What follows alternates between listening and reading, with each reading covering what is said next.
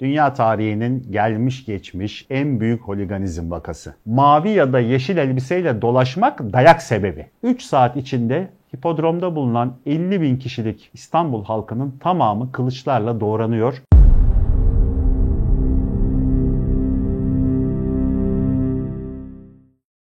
Hocam bugünkü konumuz Nika isyanı. Dünya tarihinin gelmiş geçmiş en büyük holiganizm vakası.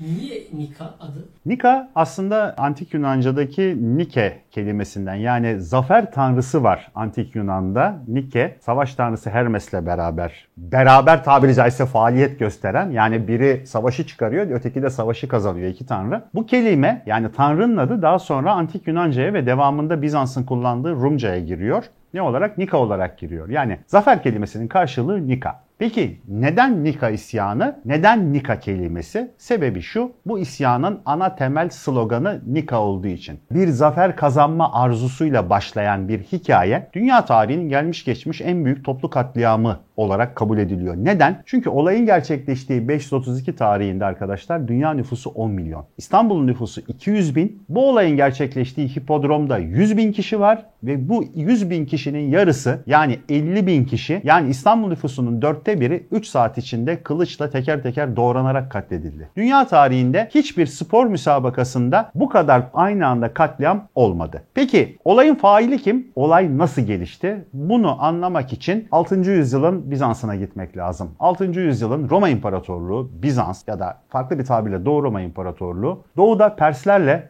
çok yoğun bir savaşın içinde ve bu savaşın maliyetini karşılamak adına halka korkunç vergiler koymuş durumda. Öyle ki vergi oranının %75 olduğu söyleniyor. Yani 100 lira kazanıyorsanız ya da 100 birim 75'ini devlete vergi olarak vereceksiniz. Çünkü imparatorluk orduyu beslemesi lazım. Bunun karşılığı olarak halk da 527 yılında tahta çıkan İmparator Justinian'e karşı müthiş bir öfke var. Yani halk imparatordan nefret ediyor çünkü beli bükülmüş ve açlıktan ölme noktasına gelmiş durumda. Tüm bu olayların içindeki merkezi nokta ise İstanbul'daki hipodrom. Neresi arkadaşlar hipodrom? Günümüzde Sultanahmet Camii'nin önünde ortasında Mısır'dan gelen meşhur dikeli taşın yani obeliskin bulunduğu meydan Osmanlı İmparatorluğu dönemindeki at meydanı ama o dönemde kullanıldığı şekilde hipodrom. Hipodromun iki tane çevrilme noktası var. Bir tanesi Ayasofya tarafında, diğeri günümüzdeki Marmara Üniversitesi tarafında. Buralarda tribün yok ama günümüzdeki Sultanahmet Camii'nin bulunduğu yerde ve onun tam karşısında İbrahim Paşa Sarayı'nın olduğu yerde de 50'şer bin kişilik tribünler var. Bu tribünün İbrahim Paşa Sarayı'nın olduğu tarafındakiler günümüzdeki tabirle numaralı tribün. Karşı tarafta tam ortasında İmparatorluk Sarayı'nın İmparator Locası'nın bulunduğu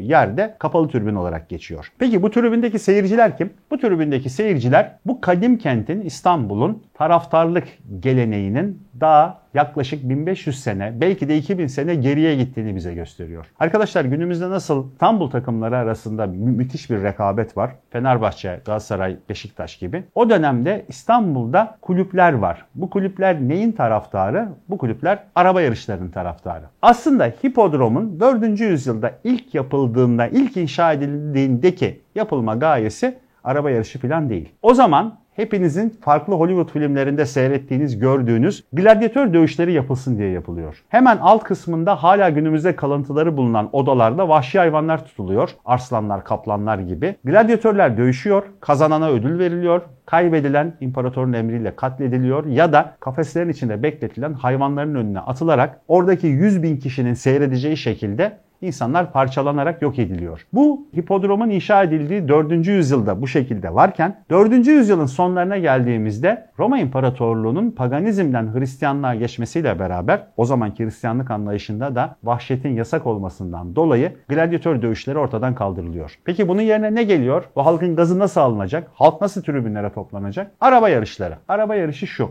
Tek kişinin ya da ender durumlarda iki kişinin kullandığı at arabaları. Etrafı metal plakalarla kaplı ve bu arabalar belli bir sayıda tur atarak yani spin atarak bu hipodromun etrafında dönüyorlar. Kazanan ödül alıyor. Peki kaç farklı araba yarışçısı takımı var? İlk başlarda 4 takım var. Maviler, yeşiller, beyazlar ve kırmızılar. Bunların adı ne? Her takım kendi rengine göre at arabasını ve atın koşumlarını bu şekilde boyuyor. Yani at yarışı bu şekilde başlayıp 4 takım üzerinde İstanbul'da yani İstanbul halkı o zaman Konstantinopolis'in halkı dörde bölünmüş durumda ve bu şekilde de at yarışlarını hipodromdan izliyorlar. Zamanla beyaz ve kırmızı takım ortadan kalkıyor ve bunların taraftarları da maviler ve yeşillere katılıyor. İki büyük takım bunlar maviler ve yeşiller ve maviler İmparatorluk, bürokrat, devletin resmi takımı. Yeşiller ise halkın takımı. Takımlar ikiye bölündüğünde her hafta düzenli olarak hipodromda at yarışları, araba yarışları yapılmaya başlıyor. Şimdi gelelim 532 yılına. 532 yılından bir sene önce hipodromdaki bir yarışta halkın sahaya dalması ile beraber müthiş bir kavga çıkıyor mavilerle yeşiller arasında.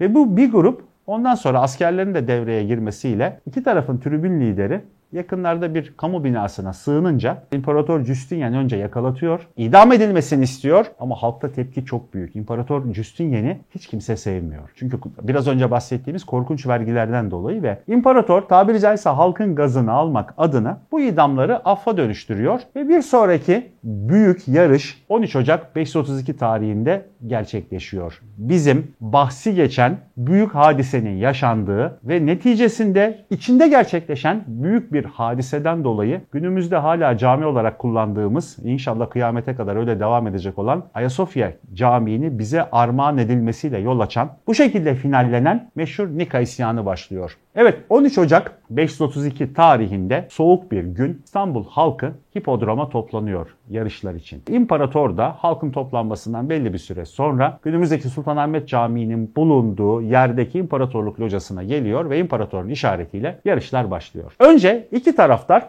her zaman yaptıkları mutat, tezahürat şekliyle birbirlerine küfretmeye başlıyorlar. Yani maviler ve yeşiller sokakta birbirlerini görseler birbirlerini döverek öldürecek kadar nefret eden iki büyük taraftar grubu. Ve imparator olayları normal bir şekilde seyrediyor. İmparator için çok fazla bir şey ifade etmiyor. Araba yarışları futbol gibi filan halkın arasında sürekli konuşulan bir?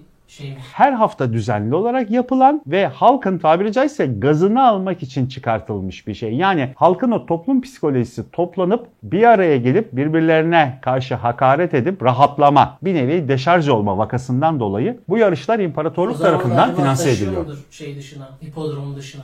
Hipodromun Stat dışında dışına taşıyor ya. Şöyle hadiseler anlatılıyor. Yani üzerinde mavi ya da yeşil elbiseyle dolaşmak dayak sebebi Konstantinopolis'te. Yani kimse rengini dışarıda belli etmiyor. Çünkü halk ikiye bölünmüş durumda. Her iki kişiden biri ya maviler ya yeşiller. Ve aynı gelenek Osmanlı İmparatorluğu döneminde lahanacılar ve bamyacılar olarak devam ediyor. Onların Yeniçeri Ocağı'nın fesinden sonra da günümüzdeki işte 1900'lere doğru futbol kulüplerinin devreye girmesiyle taraftar gruplarına dönüyor. Halkın gazını alacak bir şey var yani. Mutlaka var. Yani o halkın gazı bir şekilde alınacak. Çünkü enerjiyi nerede yakacak bu adamlar? Gelip orada bağırıp çağırarak rahatlayacak. O yürü be kardeşim falan diye at arabalarını destekleyerek böyle yapıyorlar. Ama olayın gerçekleştiği gün çok enteresan bir hadise oluyor. Birbirleriyle günümüz tabiriyle konuşalım. Ana avrat söven adamlar bir anda dönüp imparatora küfretmeye başlıyorlar. Çünkü öfke aslında imparatora. Yani birbirlerine bağırırken aslında imparatora karşı sinirleniyorlar ama bir anda bu asla tarihte tespit edilemedi. İlk fitneyi kimin çıkardı? Ama bir anda 50'şer bin kişilik iki tribün grubu bir anda birleşerek imparatora küfretmeye başlıyorlar. Ve bu küfürden sonraki slogan yaklaşık 5 dakika içinde slogan Nika, Nika şeklinde dönüşüyor. Yani artık bir isyan var ve bu isyan zaferle sonuçlanmalı. Peki zaferle sonuçlanacak bu isyanın hedefindeki kişi kim? İmparator Justinian. İmparator Justinian'den önce imparatorluk muhafızları, skuadronlar olayın tehlikesini görüp imparatoru acel tecel arkadaki sarayının kalın duvarlarının arkasına kaçırıyorlar. Ve imparator burada olayları hangi cihete doğru gideceğini izlemeye başlıyor. Olay hipodromda kalmıyor. Yaklaşık 50 bin kişilik bir grup, eşit grup hipodromu terk etmiyor. Ama diğer 50 bin kişi şehre iniyor. Ve hala günümüzdeki Suriçi olarak bildiğimiz İstanbul'un tamamında 200 bin kişinin yaşadığı İstanbul'da önüne gelen bütün her şeyi yakıp yıkmaya başlıyorlar. Yakılıp yıkılanlar yerler arasında hastaneler var içinde hastalarıyla. Kiliseler var, dükkanlar var, forumlar var, alışveriş merkezleri ve bütün manastırlar var. Her şeyi yıkıyorlar. Bu yangınla beraber aslında günümüzde Ayasofya olarak bildiğimiz yapı oradaki 3. Ayasofya. Ondan önce iki tane daha Ayasofya var. Yani günümüzdeki üçüncü mü? Günümüzdeki Ayasofya, 3. Ayasofya bu grubun isyanda yaktığı yani öfkenin yöneldiği yer 2. Ayasofya. Ama aynı lokasyon, aynı noktada değil mi? 3 Ayasofya artı ondan önceki Artemis Tapınağı da, Pagan Tapınağı da hepsi aynı yerde. İkinci Ayasofya kagir ve aynı zamanda büyük oranda da ahşap olarak inşa edilmiş ve çok çabuk yanıp küle dönüşüyor. Yani düşünebiliyor musunuz? Şehirdeki en büyük kiliseyi, bu adamlar Hristiyan, şehirdeki en büyük kiliseyi yakacak kadar gözleri dönmüş durumda. Ve İmparator Justinian kendi temsilcilerini, adamlarını isyancılara gönderiyor. Bu isyancıların liderleri var. Günümüzdeki tribün liderleri gibi. Bunlara gönderiyor ve diyor ki artık bu işi bitirin. Ben size halkın ve esnafın bütün zararlarını karşılayayım. Sizden de hiç kimseyi tutuklamayacağıma söz veriyorum. Herkes evine geri dönsün ve bu isyan bitsin. İsyan bitmiyor. Neden? Çünkü halk Justinian'i tahttan indirmeye kafayı koymuş. Ondan önceki imparatorun yeğeni olan Hipatius ya da Hipatya aleltecel hipodromun ortasına getiriliyor ve kafasına çok ironiktir altın bir şey bulunamadığı için demir bir bilezik bir kapı bileziği, kapı kolu kafasına geçirilerek imparator ilan ediliyor ve halk ona biat etmeye başlıyor. Burada Justinian tehlikenin farkına varıyor. Yani artık olay kontrolden çıkmış. Bu arada şu ana kadar 3 gün geçti. Ve 3 gün boyunca şehir geceleri kızıl bir renkte alev alev yanıyor. Her yer yanıyor arkadaşlar. Ve 3 gün sonunda imparator Justinian artık olayın kontrol altından tamamen çıktığını gördüğünde sarayından hemen alt tarafında Kadırga Limanı'nda bekleyen imparatorluk donanmasının imparatorluk baş gemisine hazırlatıyor. İçine bütün hazinesini doldurtuyor ve diyor ki ben mahiyetimle beraber şehri terk ediyorum. Nereye gidecek? İmparatorluğun o zaman en büyük kalelerinden birini barındıran Midilli Adası'na gidecek. İmparatorun derdi şu oraya çekileyim, olayları tekrar kontrol altına alıp yeniden bir şeyler yapabilirim. Tam sarayının içinde gece yarısı dönüp gemiye doğru yürümeye başladığında karşısına imparatoriçesi çok sevdiği Theodora çıkıyor. Theodora imparatorun Persler üzerine yaptığı bir seferde Nusaybin'den geçerken görüp etkilenerek evlendiği bir Süryani Hristiyan papazının kızı. Kendisinin güzelliği çok dillere destan. Onu beğenerek etkilendiği ve daha sonra imparatoriçe yaptığı Theodora kendisinin karşısına çıkıyor ve tarihe geçen, tarihin en büyük U dönüşlerinden bir tanesi olarak kabul edilen vakanın yaşanacağı o meşhur konuşmayı yapıyor. Konuşma şöyle.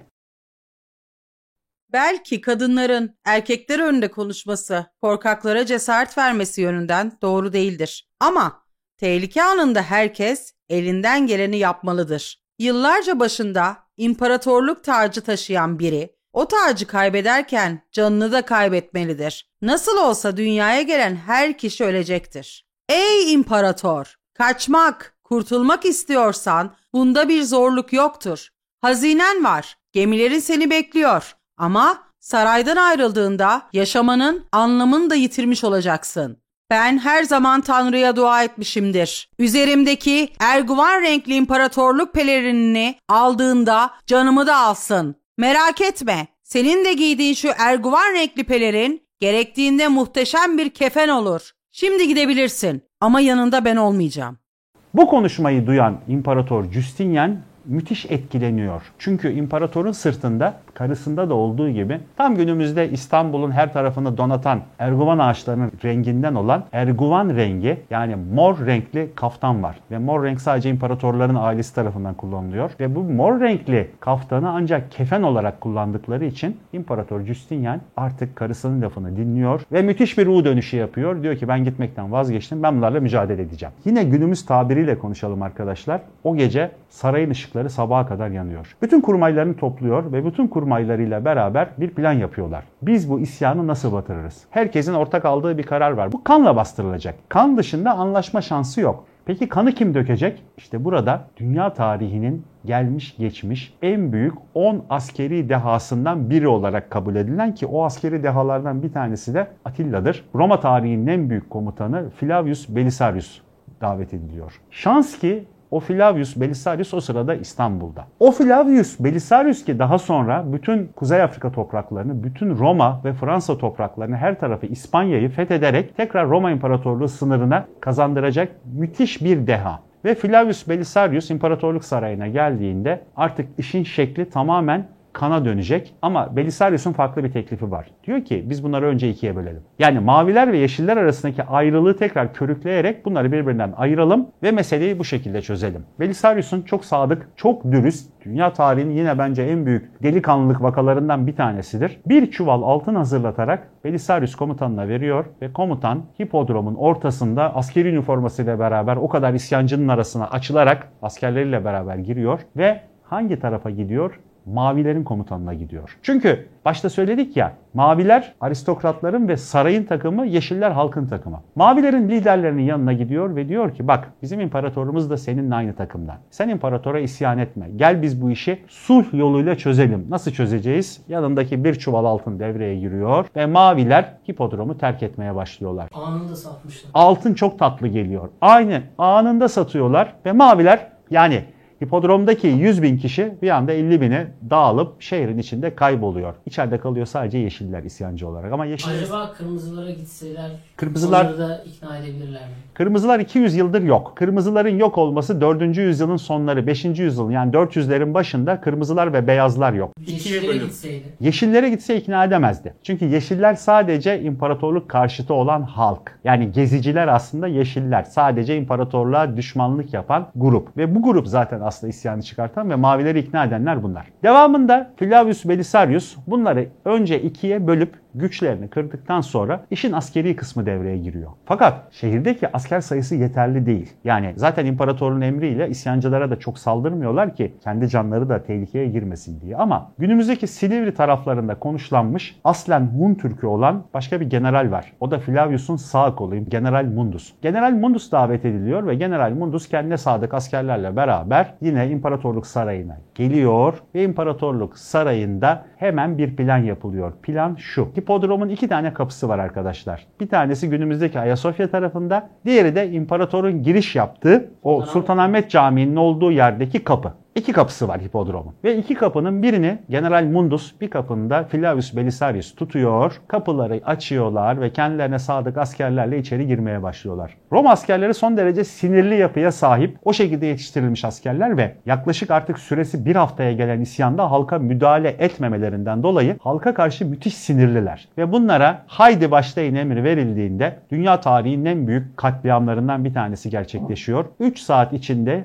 Hipodromda bulunan 50 bin kişilik İstanbul halkının tamamı kılıçlarla doğranıyor ve hipodromun tabanı o günümüzde üzerinde yürüdüğünüz tam ortasında dikili taşın obeliskin bulunduğu meydan kan rengine bulanıyor. Kan yerden yükseliyor ve imparator bütün herkesin katledildiğini yani 50 bin kişinin kesildiğini gördükten sonra buraya geliyor. Rahatlamıştır artık. Rahatlıyor ve diyor ki halka ibret olsun bunların tamamını buraya gömün. Yani arkadaşlar günümüzde yürüdüğümüz o Sultanahmet Camii'nin önündeki Sultanahmet Meydanı'nın altında Nika isyanı sırasında öldürülen halktan 50 bin kişinin cesetleri ya da iskeletleri var. İmparator Justinian bir isyan vakasının devleti nasıl tehlikeye düşürdüğünü gördükten sonra bazı ciddi tedbirler alıyor. İlk aldığı tedbir şu arkadaşlar. O zamana kadar kendisine ayak bağı olarak gördüğü senatoyu kapatıyor ve mutlak hakimiyet imparatorun eline geçiyor. Ve devamında da onun için son derece önem arz eden şehrin en büyük kilisesi yani resmi kilise olarak bilinen 2. Ayasofya'nın yanmasının üzerine hala günümüze kadar duran günümüzdeki Ayasofya Camii'ne 532 yılında yani isyanın başlayıp bittiği yılda Ayasofya'nın temelleri atılıyor ve 537 yılında 5 sene içinde Ayasofya Camii tamamlanarak kilise olarak ibadete açılıyor. Çok katı kurallar da alıyorlar. Şehre girişlerin yasaklanması, sığınmacıların alınmaması. Bir de bu senato olayında da herhalde yaşanan bu süreçte senato şey yapıyor. İmparatoru çok tınlamıyor. Şimdi senato aslında onun yerine ikame etmeyi planladıkları diğer o Hipatius'u tutma taraftarı. Dolayısıyla isyan aslında senato taraftarlarının işine geliyor. Yani Justinian'in kelle gitsin bunlar bunu Justinian'ı yesinler. Kendilerine sadık. Çünkü Roma'nın senatosu tamamen aristokratlardan oluşuyor arkadaşlar. Yani seçimle gelmen bir parlamenter sistem yok. Bunlar Roma'nın en zenginleri. Yani İstanbul'un o zaman en zenginleri ve doğal olarak kendi kafalarına uyan vergi sistemini tamamen değiştirecek. Çünkü İmparator Justinian Perslerle savaş yaparken en büyük vergiyi bu zenginlere koyuyor. Yani senatörlere koyuyor. Dolayısıyla senato imparatoru istemiyor. O da tutuyor, senatoyu kaldırıyor. Ayasofya'yı yapıyor ve daha sonra şehrin kapıları tamamen sığınmacılara kapatılıyor. İsteyen de gelemiyor herhalde. Ticaret için falan öyle gir çık. Şimdi şehrin girişinde bir nevi ilkel bir pasaport uygulaması var. Girişte herkes bir defa giriş vergisi ödüyorsunuz. Şehirde kaldığınız gün belli. Belli bir günde beraber askerlere görünüp elinizdeki belgeyi onaylatmanız lazım. Yani ben gideyim İstanbul'a yerleşeyim. Bunu daha sonra Osmanlı da yaptı. Hani o kafana göre İstanbul'a gidip İstanbul'da ev kiralayayım, oturayım deme şansınız yok. Bugün de olsa keşke. bu kadar sığınmacı gelmez. 1204 yılına kadar bu sistem devam ediyor. 1204-1261 arası Latin işgalinden sonra bu sistem ortadan kalkıyor ama burada amaç şehrin ari nüfusunu korumak ve şehirde dış kaynaklı yani casusların girmesine engel olmak. Bu Kanuni ile Justinian'in çok benzediğini söylüyorlar. Mesela ikisinin de tek bir kadına ömürleri boyunca aşık olarak yaşadıkları. İşte adamı geri döndürmüş. Şimdi tarih tekerrürden ibaret. Tarihin tekerrürden ibaretinin en güzel örneklerinden bir tanesi İmparator Justinian ile Kanuni Sultan Süleyman arasında. İkisinin yaşadığı periyot tam arada bin yıl var. Ve bu bin yıl içinde neler tekrarlanıyor? İmparator Justinian imparatorluğun renovasyonu diye bir kanun çıkarıyor. Kanuni'nin zaten lakabı kanuni, kanun koyan demek. Yani ikisi de çok büyük kanunlar getiriyor. Ve evet ikisi de hayatları boyunca biri Teodora'ya biri de Hürrem Sultan'a mutlak şekilde aşık olup asla başka bir tarafa meyletmiyorlar. Daha fazlası ise ikisinin de şehirde iki büyük ibadethane yapması. Biri Ayasofya inşa ediyor, biri Süleymaniye Camii'ni inşa ediyor. İkisinin de çok büyük bir ortak özelliği de şu. İkisi de devletlerinin son büyük hükümdarları. Yani İmparator Justinian'den 100 yıl sonra Roma İmparatorluğu çatırdayıp 1453'e kadar devam edecek olan gerileme dönemine giriyor. Kanuni'den sonra da yaklaşık 100 yıl sonra yani 1683 Viyana kuşatmasıyla beraber Osmanlı gerileme ve çökme dönemine giriyor. İkisi de devleti muazzam derecede zenginleştirip çok büyük alanlar fethediyor. Justinian de fethediyor, Kanuni de fethediyor. Ama ikisi de aynı şekilde uzun bir ömre sahipler ve ömürlerinden sonra da ikisi de kanun yapıcı olarak adlandırılıyor. O yüzden İstanbul'da hem hükümdarların makus talihi kadere birbirini tekrar eder hem kadim taraftarlık geleneği Bizans İmparatorluğundan beri günümüze kadar devam eder. İstanbul dev bir tekerrürler şehridir aslında arkadaşlar. Veda edelim mi? Başka bir konuda görüşmek üzere. Gizli tarih devam edecek. Kanalımıza abone olmayı ihmal etmeyin lütfen arkadaşlar. Görüşürüz o zaman hocam. Eyvallah.